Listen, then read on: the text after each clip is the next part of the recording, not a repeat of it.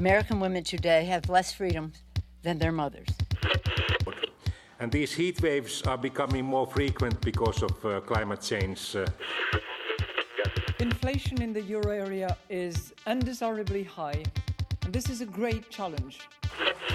Every image is a new discovery, and each will give humanity a view of the universe that we've never seen before.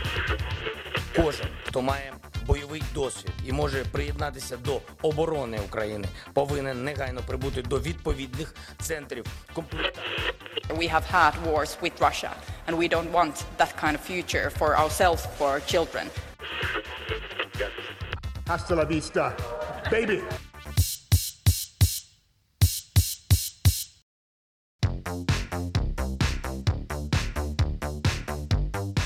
Þú ert að hlusta á heimskviður Þáttinum það sem gerist ekki á Íslandi. Ég heiti Bjarni Pétur Jónsson. og ég heiti Birta Björnsdóttir. Í þætti dagsins ætlum við meðal annars að virða fyrir okkur fjölmjöla landslægið í Rúslandi. En afskipti stjórnvalda hafa aukist mikið eftir að Vladimir Putin komst til valda þar um aldamótin. Við ætlum líka til Afríku. Suður Sútan er yngsta sjálfstæði ríki heims en saga þess er að mörguleiti harmsaga átaka og ofbeldis. Við rættum við tvær íslenskar konur, önnur var í Suður Sútan skömmu eftir að borgarastríð braust þar út 2013 en hinn starfar það sem barnalækni núna. Ekki sér fyrir endan á borgarastríðinu en sakvært nýri skýslu nota stjórnvöld bæði svelti og hungur sem vopni í átökum við uppreisnarhópa. En við ætlum að byrja á því að skoða rúsneska fjölmila og hvernig þarlendir miðlar hafa fjallað um innrás rússa í Ukrænu. BBC, Breska ríkisútarpið, reykur sérstakar deild sem fylgist með fjölmilum í ýmsum löndum, þar á meðal í Rúslandi. Heimskuður rættu á dögunum við einn af sérfræðingum þessara deildar, hann heitir Francis Skarr. Hann bjó í Rúslandi og horfir á hverjum degi á sjónvarsfréttir þar og greinir umræðinu. Hann segir okkur meðal annars frá því hvernig fréttastjórar stóru sjónvarstöðuvana taka við leiðbenningu frá kremlum hvernig á að segja fréttir. Björn Malmqvist tekur nú við.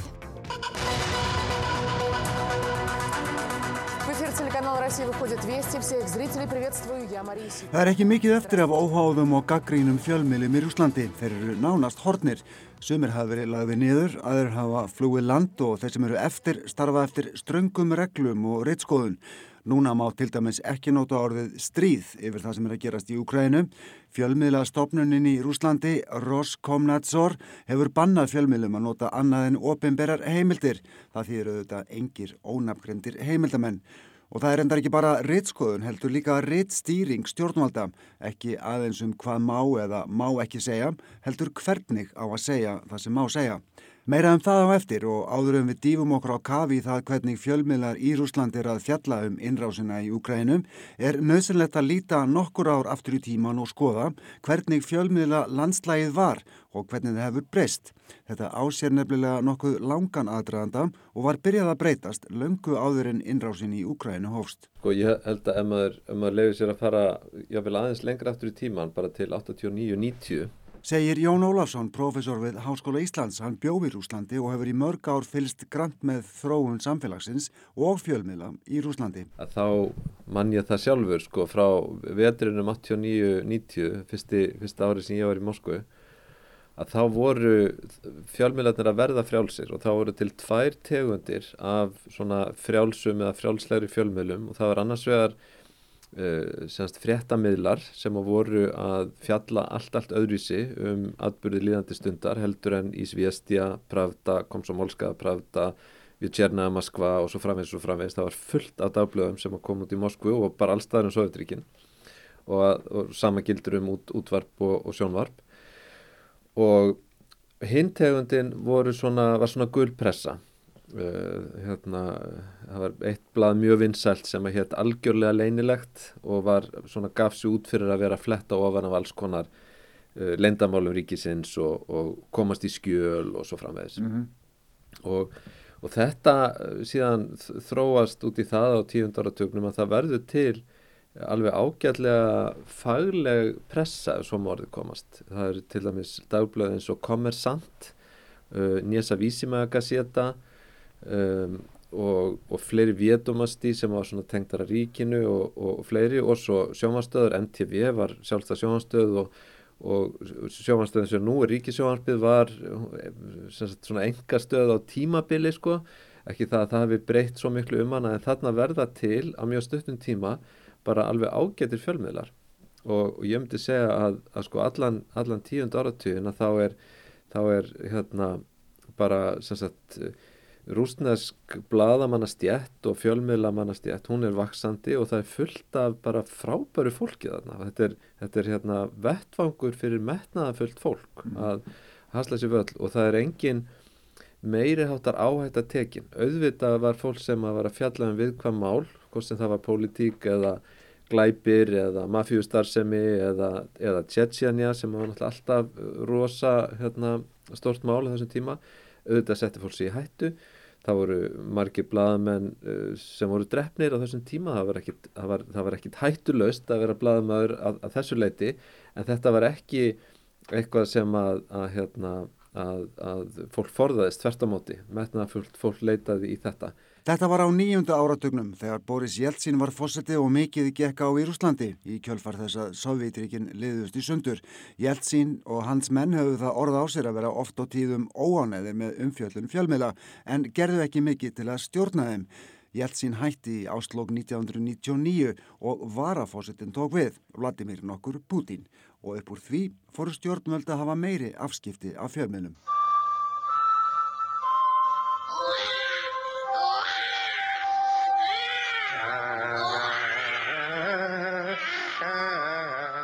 Og skýrasta dæmi var kannski þessi þáttur, grínþáttur á NTV stöðinni sem hétt Brúður, Kukli á rúsnesku, þar sem stólpa grín var gert að ráðamönnum, þar á meðal Jeltsin og Putin.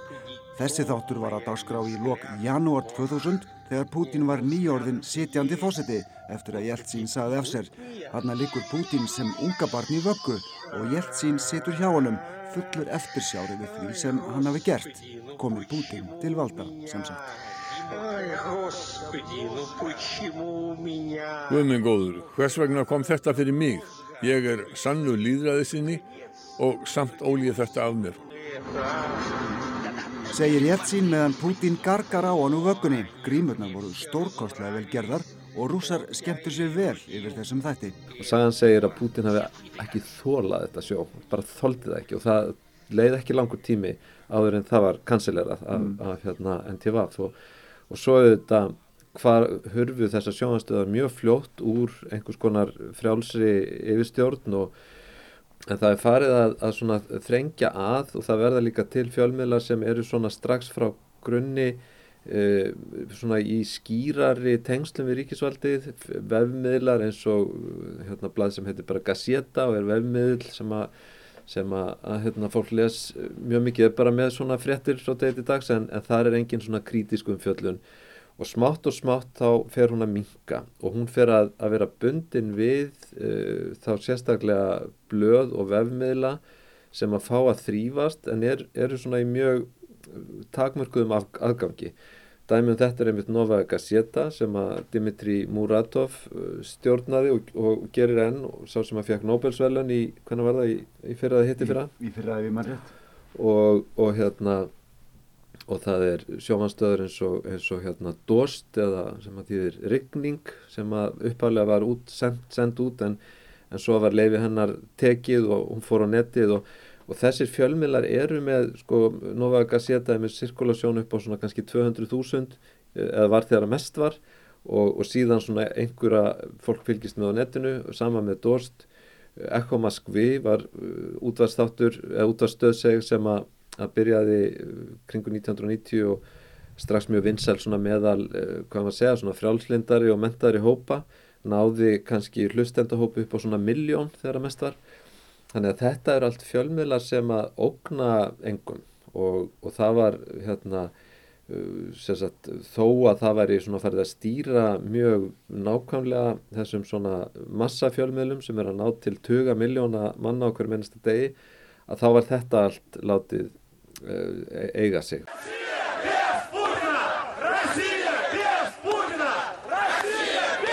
En svo fór þetta breytast eftir mótmælinn veturinn 2011-2012 í Moskvu og viðar eftir þingkostningar sem þóttu vera mjög vafasamar.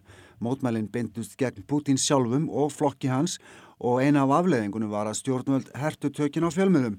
Óháðum fjölmjölum var gert erfitt að starfa og ráðamenn í Kreml lögðu í ríkari mæli línutnar fyrir stóru miðlana sjónvarpið aðalega. Um, used to describe a kind of instruction from the Kremlin about how they should report on certain things. Þetta er Francis Skarr, sérfræðingur hjá Breska ríkisútvarpinu BBC. Hans starf fælst í því að fylgjast með rúsneskum fréttamilum. Hann er þarna að tala um rúsneska orðið metoditska sem þýðir aðferð eða kannski í þessu samengi leiðbenningar til fjölmila um hvernig þeir eigi að skrifa fréttir og um hvað. Independent outlets in Russia have, have quite, uh, they've done fairly um, extensively, they've reported on, on this um, this kind of system in which the media narratives are ultimately directed from the Kremlin. There's um, a, um, a guy called Alexei Gromov. Óháðir fjölmjölar í Rúslandi hafa fjallað ítalega um þetta.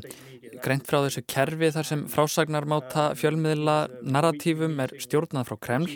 Maðurannafni Alexei Gromov hefur umsjón með ríkismilónum og Hann er með vikulegan fund með fréttastjórum tryggja stærstu sjómastöðana. Þetta hefur aldrei verið ofinbilega staðfest en óháðir fjölmiðlar hafa þetta eftir heimildamönnum innan kremlar. Mær fær oft þessa tilfinningu, sérstaklega eftir að hafa hort á fréttirnar. Stóru stöðvarnar þrjáur eru með fréttatíma hver og eftir annari og okkar starf fælst í því að horfa á fjalla um þær og maður fær ofta tilfinninguna fréttastofunar hafi fengið sömu talpunktana Stundum eru sömu frasatni notaður og oft er sama fyrsta fréttin að þessum meðlum og sömu vinklarnir. Ég vil þó að séu aðrar fréttir sem þeir hefðu hæglega geta byrjað á. The, the story, one story is the top story across all three channels and is given the same kind of level of emphasis. Um, even when perhaps there may have been several competing stories and any one of them could have been the top story chosen that evening það sem að stjórnardaldið umræðinni um uh, þessi, þessi stóru umdeildumál sem er í gangi, núna stríðið í Ukrænu, það eru, það eru umræðið þættir og, og þeir eru til dæmis í hérna, aðalsjónastöðinni, sem sagt fyrsta uh, rás eitt eða fyrsta kanal, að þar eru á hverjum einasta degi, það eru þrýr, sko, þrjár tegundir af umræðið þáttum þar sem er verið að fjalla um málefni líðandi stundar og, og það er sagt, og, og þátt að stjórnendurnir eru með mjög skýrt agenda sem að gengur út á það að, að, að gaggrína vesturlönd sína fram á, á, á hrottaskap og, og nazismann í Úkrænu og upphefja hérna, pólitík ríkisins.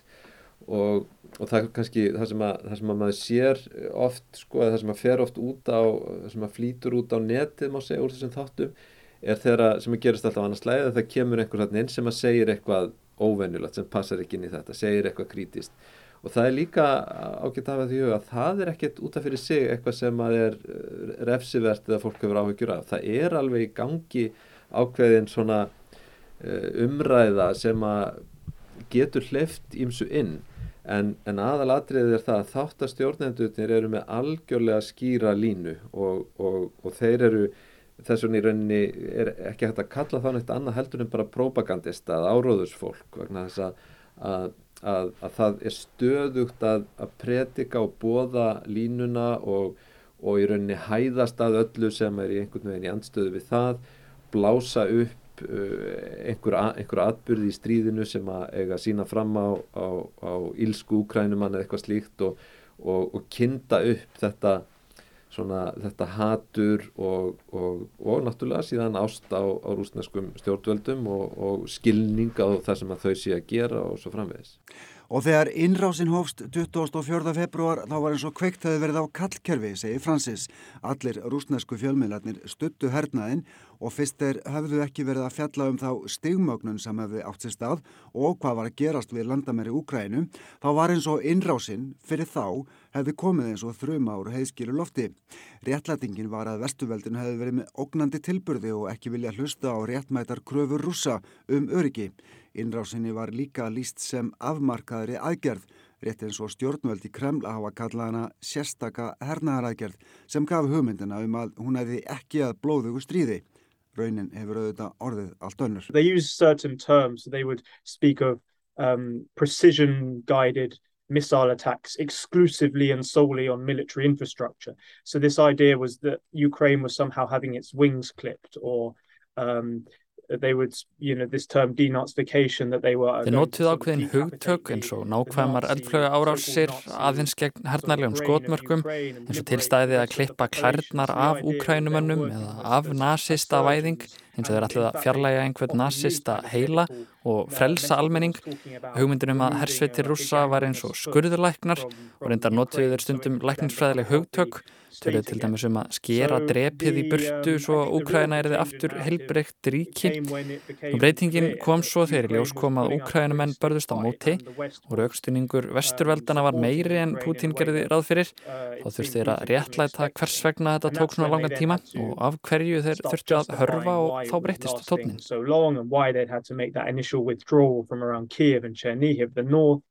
Um, and um, that was when the, that was when the real change happened I think. Jón Ólásson telur að þó áallanir rúsnarska hessins hafi vissulega verið óraunhafar og hann hafi þurft að hörfa til dæmis frá Kiev þá hafi vendingar almennings í Rúslandi ekki verið mjög miklar til að byrja með.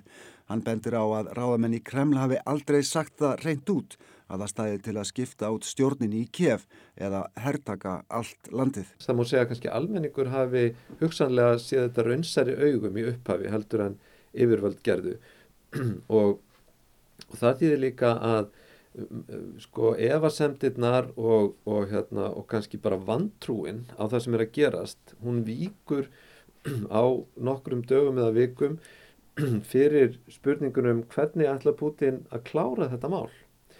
Og, og það hefur kannski vakið undrun margra sko hvað uh, þólinnmæðin gagvart því hefur verið mikil og fjölmiðlar uh, sko færast í átt að því og þá er ég kannski sérstaklega að hugsa um með þessa, þessa sérstöku umræðu dagskrá, þar sé umræðu þættina sem er, eru svona yfirgnæfandi í sjónvarpi að uh, færa sko markmi, þar að segja, uh, segja, færa skotmarkið aldrei í upphafi er bara að tala um Úkrænu, það þurfum við að, að sagt, ná þessum árangrum með þessari sérstöku hernaraðgerð það er ekki talað um Vesturland þar sé að hérna, uh, almenningur er kannski ekki tóðalega mikið að hugsa um það.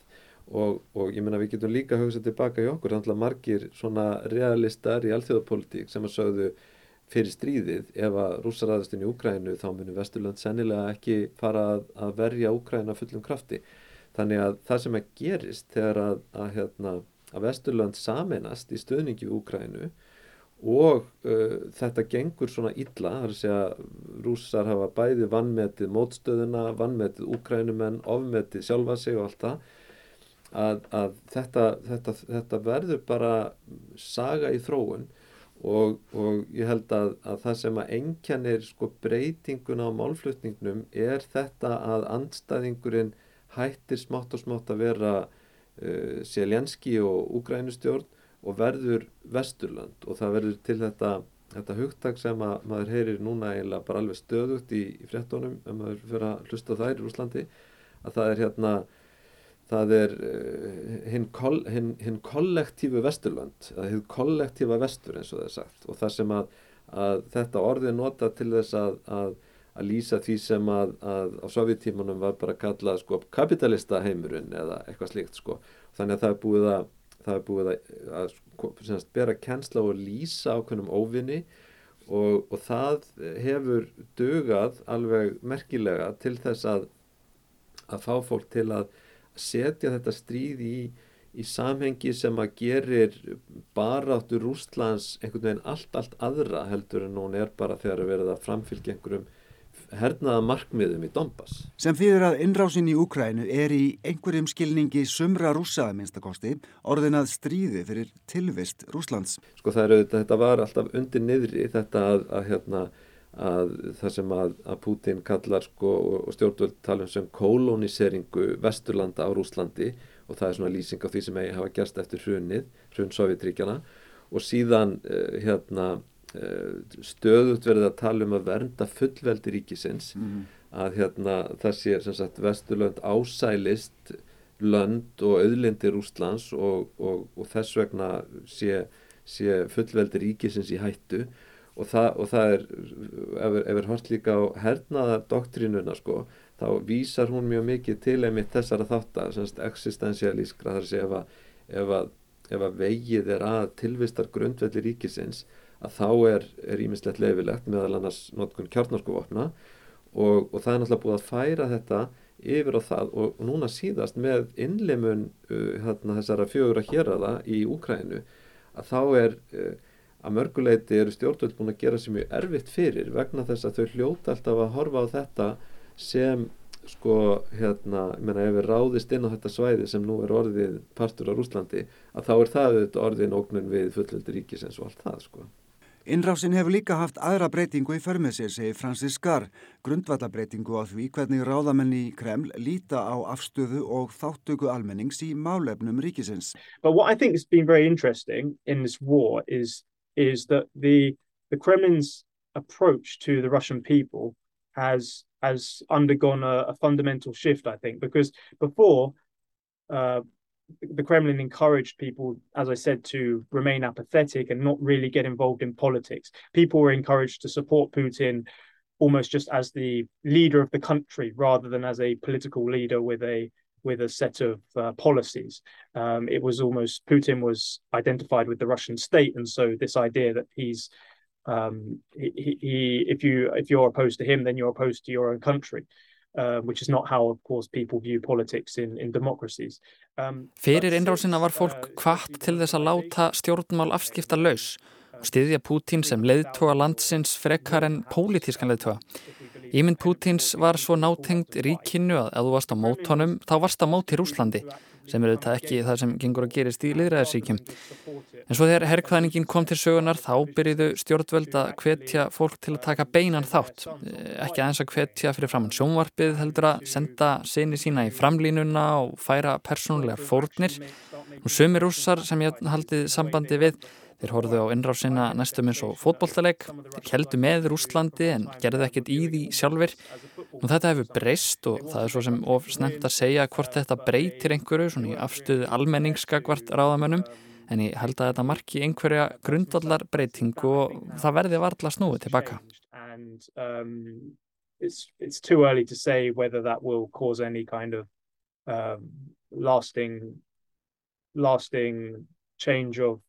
uh, kind of social perception of, of the Kremlin, but but I think it's it's some kind of uh, some kind of Rubicon has been crossed.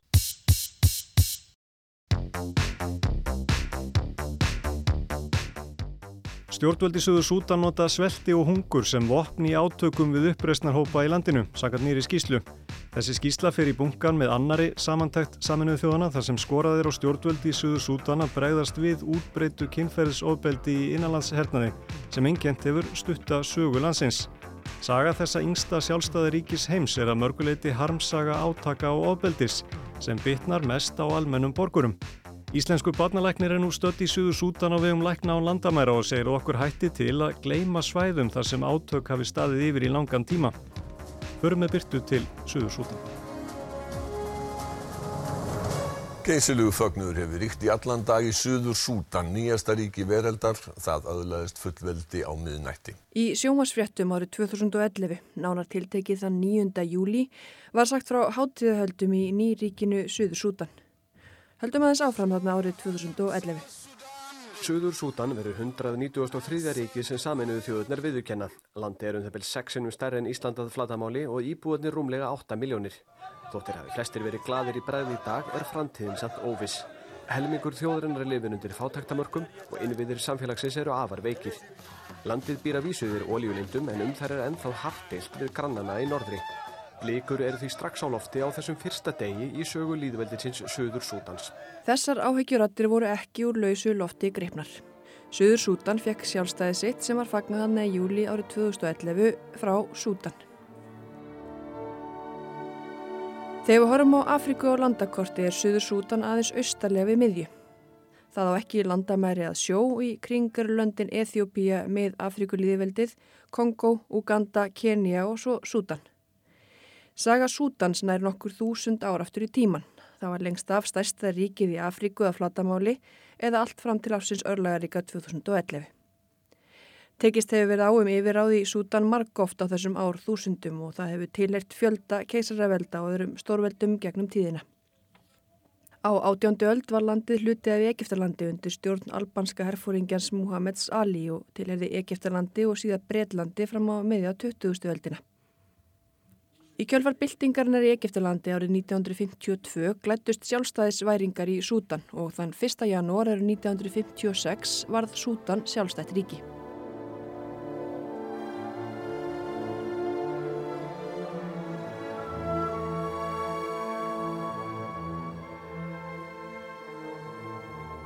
Þið svo nefnda fyrsta borgarastriði Sútan hófst skömmu áður en sjálfstæði var í höfn og varði allt fram til ásins 1972.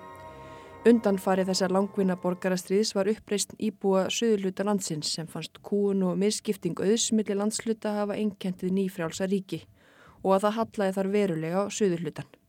17 ára borgarastyrjöld einkenti því fyrstu ár Sútans eftir sjálfstæði. Átökinn kostuðu halva miljón mannslífa áður en samið var um vopnallið.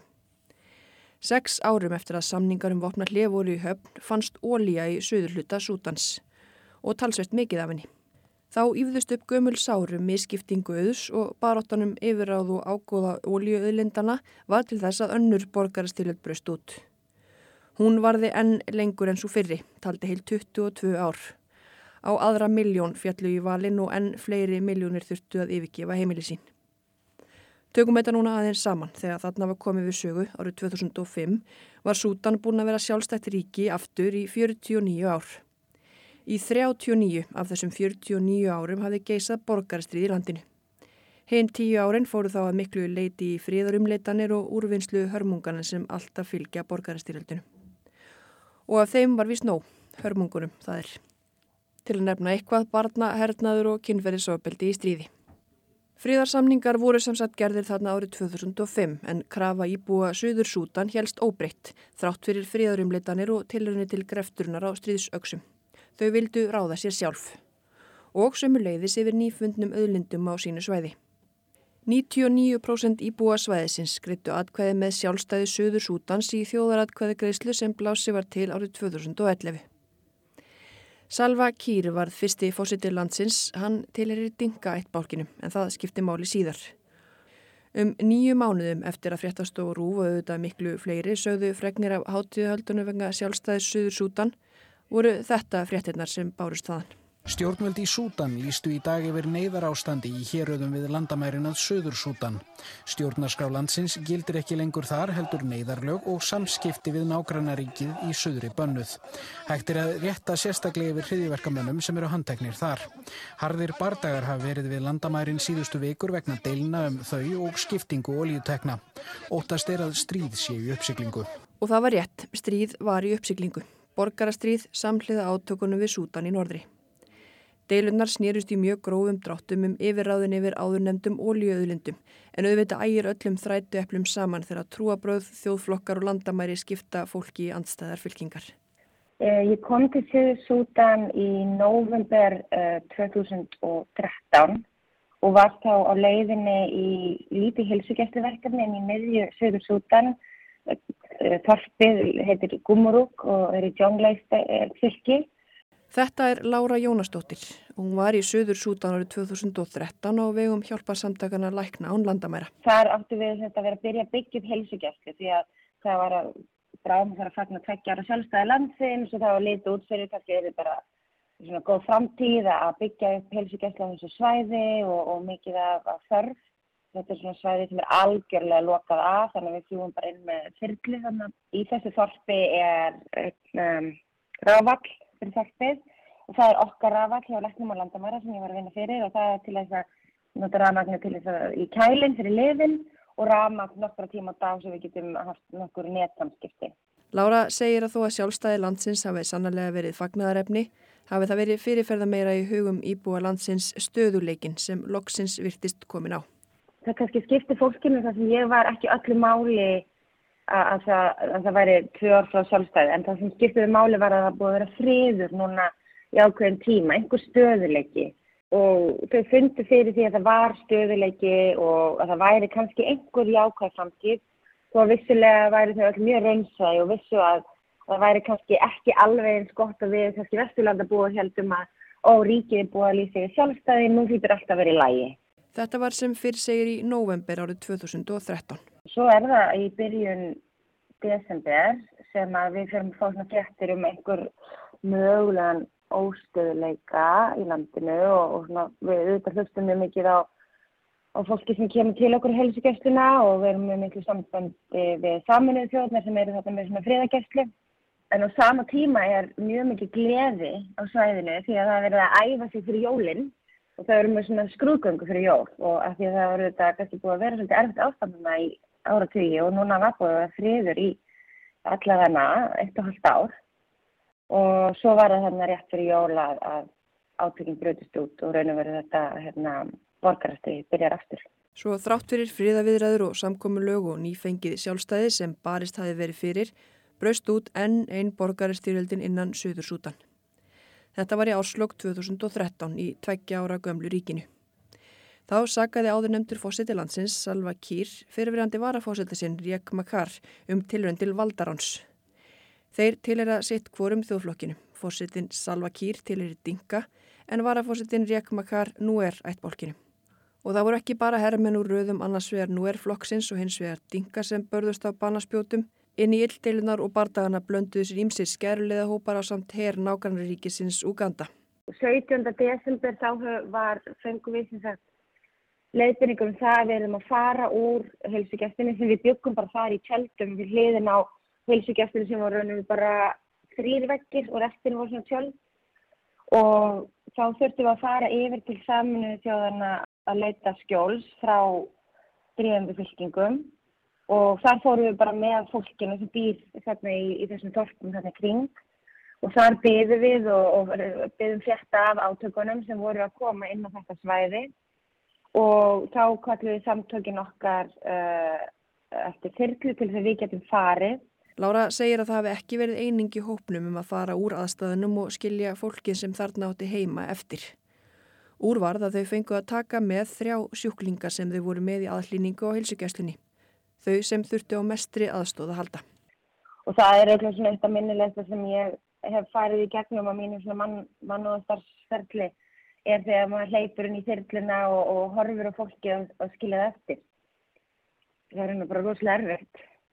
Það væri of langt mála að telja upp allar þær hörmungar sem dunið hafa á íbúum þessa yngsta ríkis heims undan farin 11 árin og reyndar talsveit lengur.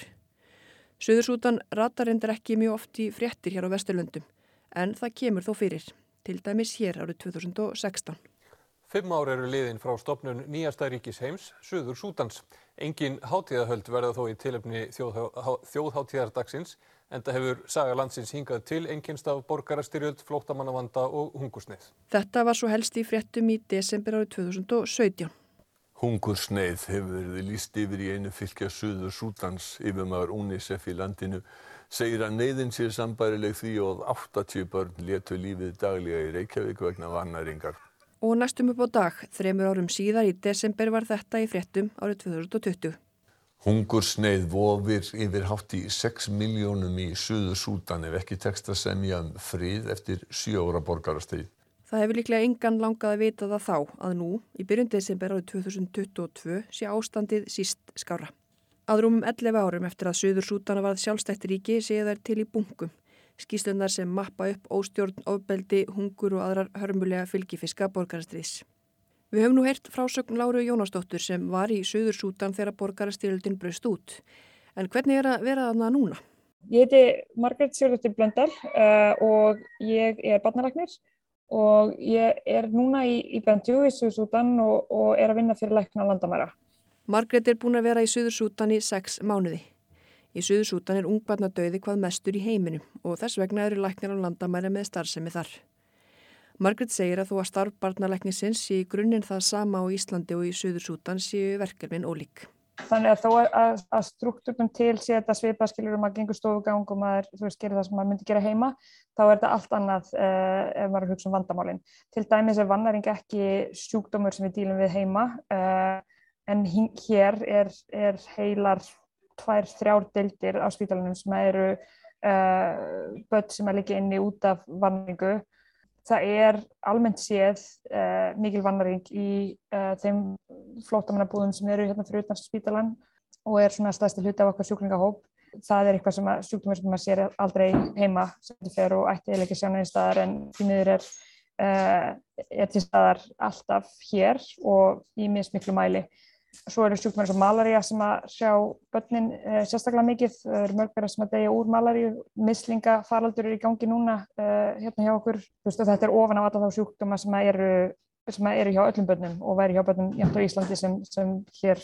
Lára segir að hungur hafi ekki verið mikið vandamál þegar hún vann í Suður Sútan þegar borgarastjóðildin brast út. Mörg hafi sannlega verið vannærð en að öðru leiti var hungur ekki það vandamál sem það er nú. Tilfellin sem þau syndu voru mörg og fjölbreytti verandi eina hilsugjastlistuðin í tuga eða jæfnvel hundruða kílometra radíus.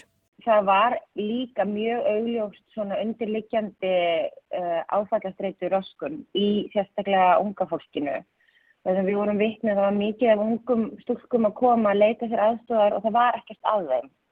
Og þetta og veru mjög erfitt fyrir teimið okkar. Við vorum með eitt sálfræðing í teiminu, eitt lækni og, og tvo hjókunarfræðinga þegar sjúklingarnir voru komað svona aftur og aftur og, og það var í raun og verið ekkert að því menn þeir, þeir voru bara augljóslega að leita að einhverju hjálp og vissi þessu hvað var að sér. Þannig að það var alveg, augljóslega mikil áfættastreitur áskan bara í allir samfélaginu. En þannig að það sem við hafðum bara svona mjög grundvallar heilbrið sjónaslu þá gáttum við einungis veitt grundvallar svona aðstof og það var mjög erfitt ofta að vísa fólki frá sem við vissum að væri mögulega með eitthvað alvarlegra en við gáttum bara reynilega ekki hjálpa. Það er mjög ljóst að þetta samfélag og, og sérstaklega kannski konurnar hafa farið gegnum mjög erfiða hluti og mjög erfiðar barnsegnir án þess að hafa fengið nokkar hjálp. Það sama blasir við Margreti á hverjum degi í Suður Sútan nú nýju árum síðar. Spítalinn er náttúrulega staðsettu þannig að, að það er, þannig nálægt stærstu flóttamannabúðum í, í Suður Sútan. Þannig að skjólstæðingar eru uh, að miklu liti fólk sem hefur flúið heimilisín til þess að forðast einmitt ofbeldi eða, e, eða hungur. Þannig að þetta er fólk sem hefur gengið gegnum mjög mikið í landi sem að, sem að á með að veita þá læknistjónustur sem fólk þarf bara fyrir líkamlega hluti og sjúkduma eh, og þá ennfremur náttúrulega andlega, andlegan stuðning um, sem við reynum, reynum þó að mæta og, og, og veita hér. Á dögunum kom út skýrsla um ástandið í Suður Sútan. Skýrslan er samantækt lögfræðistofunar Global Right Compliance. Lögmannstofu með höfustöður í Hollandi en starfsmenn þar á bæ starfa á átakasvæðum um allan heim. Sá hluti lögmannstofunar er reygin án hagnaðar en með það skýra markmið að bregðast við og vekja máls á mannréttindabrótum viða um heim.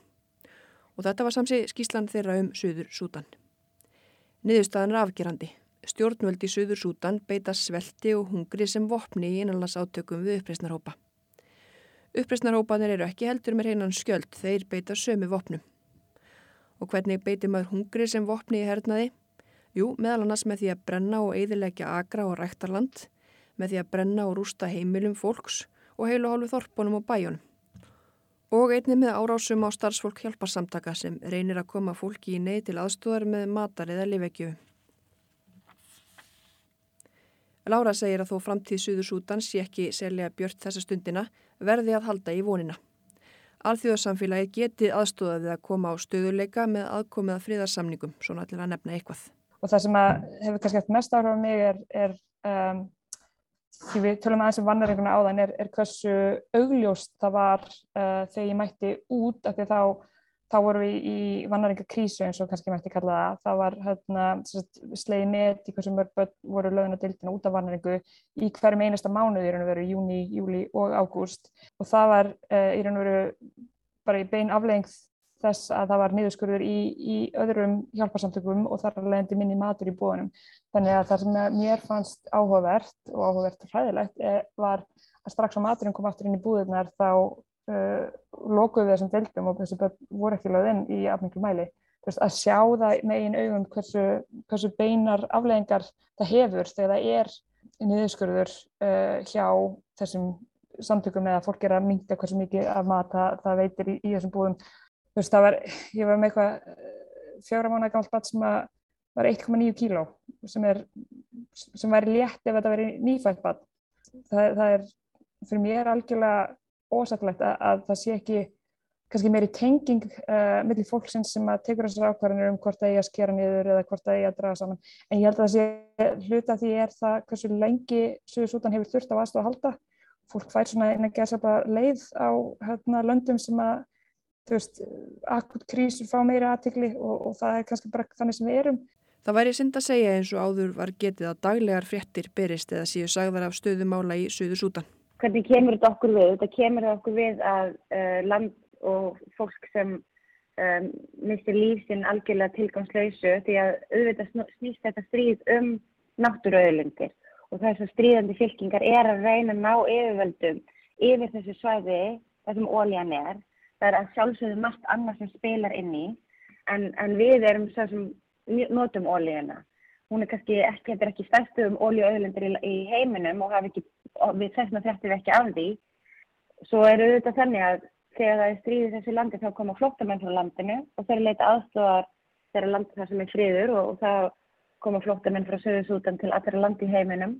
Þetta er fólk sem vill ekki fara frá heimili sínu og kemur til Íslands meðal annars til þess að leita bara að friðu og ró, ekki vegna þess að þetta vill ekki vera heima á sér. Þannig að þetta tengist okkur alltaf á svona mismunandi hátt, fyrir utan bara mannúðina og að allir fá að vera bara það sem þeir vilja í friði þó, þó að eitthvað þurfa aðstöð til lengri tíma því er ekki að, að vandamálinn hverfi og, og þó við sjáum ekki þessi börn með okkar einu augum þá eru þetta staðar og það er jafn sátt fyrir fóraldra í Suðursútan að missa börnin sín eins og það er fyrir okkur heima. Það er engin, engin munur þar á.